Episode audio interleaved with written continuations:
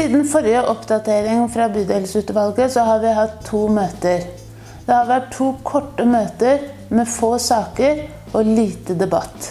I løpet av 2017 så kommer bydelsutvalget til å behandle litt i overkant av 100 saker. Det syns jeg er veldig få saker sett i forhold til at vi representerer 38 000 innbyggere og har et budsjett på godt over en milliard. Jeg er bekymra for at det er for få saker hvor lokaldemokratiet får komme til sin rett og ta viktige avgjørelser for befolkningen vi representerer. Det har selvfølgelig med budsjettsituasjonen til bydelen å gjøre. Men jeg kunne ønske at vi var flinkere til å løfte fram flere saker. En sak som har vært aktuell den siste perioden, er at vi har blitt gjort kjent med at den eneste barnehageavdelingen for multifunksjonshemma barn i bydelen står i fare for å bli lagt ned. Den prosessen har gått litt lenger enn det jeg er komfortabel med før den blir politisk behandla. Men den vil bli behandla i forbindelse med budsjettet på neste møte i bydelsutvalget. Og jeg håper virkelig at vi klarer å redde den avdelingen. Den er veldig viktig for de som trenger den. Selv om jeg syns at vi behandler altfor få saker i løpet av et år i bydelsutvalget, så kommer to kjempeviktige saker på neste møte i bydelsutvalget. Og her gjelder det å følge med. 14.12. skal budsjettet for bydelen i 2018 vedtas. Akkurat nå Eh, før de siste tilleggsinnstillingene fra bystyret er behandla, så eh, ligger budsjettet vårt på ca. 1,5 milliarder kroner. Det er en mye bedre budsjettsituasjon enn vi har hatt før. Fortsatt sliter vi fordi vi må betale tilbake for tidligere års merforbruk. Men vi har en realvekst på ca. 25 millioner, sånn som det ser ut nå.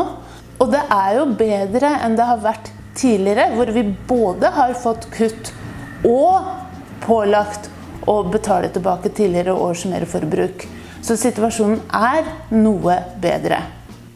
Jeg tror det blir mer rom i den budsjettbehandlinga her til å komme med forslag til endringer. Og jeg er glad for at sånn eh, administrasjonen har tenkt når de har satt opp budsjettet, så er større deler av eh, økonomien flytta over på forebyggende tiltak framfor eh, å demme opp for alle utgiftene man får når forebyggende tiltak har ligget nede over flere år. Det er grunn til å ha en viss optimisme. Og da er det viktig at innbyggerne er tydelige overfor oss politikere på hva de ønsker av satsinger framover. Og jeg lover at SV skal gå gjennom sitt eh, partiprogram med lys og lupe og se på hva vi har gått til valg på som kan følges opp i forbindelse med budsjettet nå. Byrådet har bevilga 30 millioner til områdeløft i Søndre Nordstrand. Regjeringa spytter inn 14 millioner. Nå begynner arbeidet med hvordan pengene skal brukes. Vi er ferdig med Oslo Sør-satsinga. Det var en områdesatsing. Nå går vi over i et områdeløft. Det er to litt forskjellige ting. I et områdeløft så velger man ut avgrensa områder innafor bydelen som skal løftes. Og løftet vil i større grad være administrert øh, og utarbeida fra byrådsavdelingen i samarbeid med lokale krefter på ulike nivåer. Nå går vi i gang med å gi innspill på hvilke områder i bydelen vi ønsker å løfte. Forslaget som ligger til behandling i bydelsutvalget, som kommer fra administrasjonen, er at Bjørnerud og Holmlia syd er de områdene som er viktigst å løfte nå. Men det ligger ingen begrensning på hvor mange områder i bydelen som kan løftes. Og det ligger heller ingen eh, veldig klare føringer på hvor store eller hvor små områdene kan være.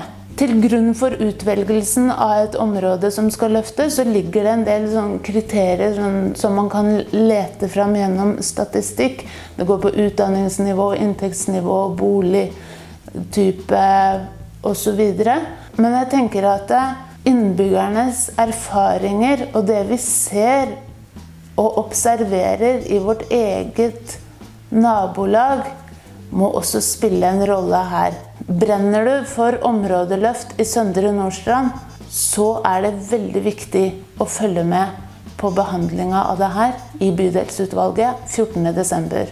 Det vil også bli behandla i komiteene 7.12. Fra klokka sju er det åpen halvtime. Da kan innbyggere komme og legge fram sine synspunkter for komiteen eller for bydelsutvalget i forkant av møtet.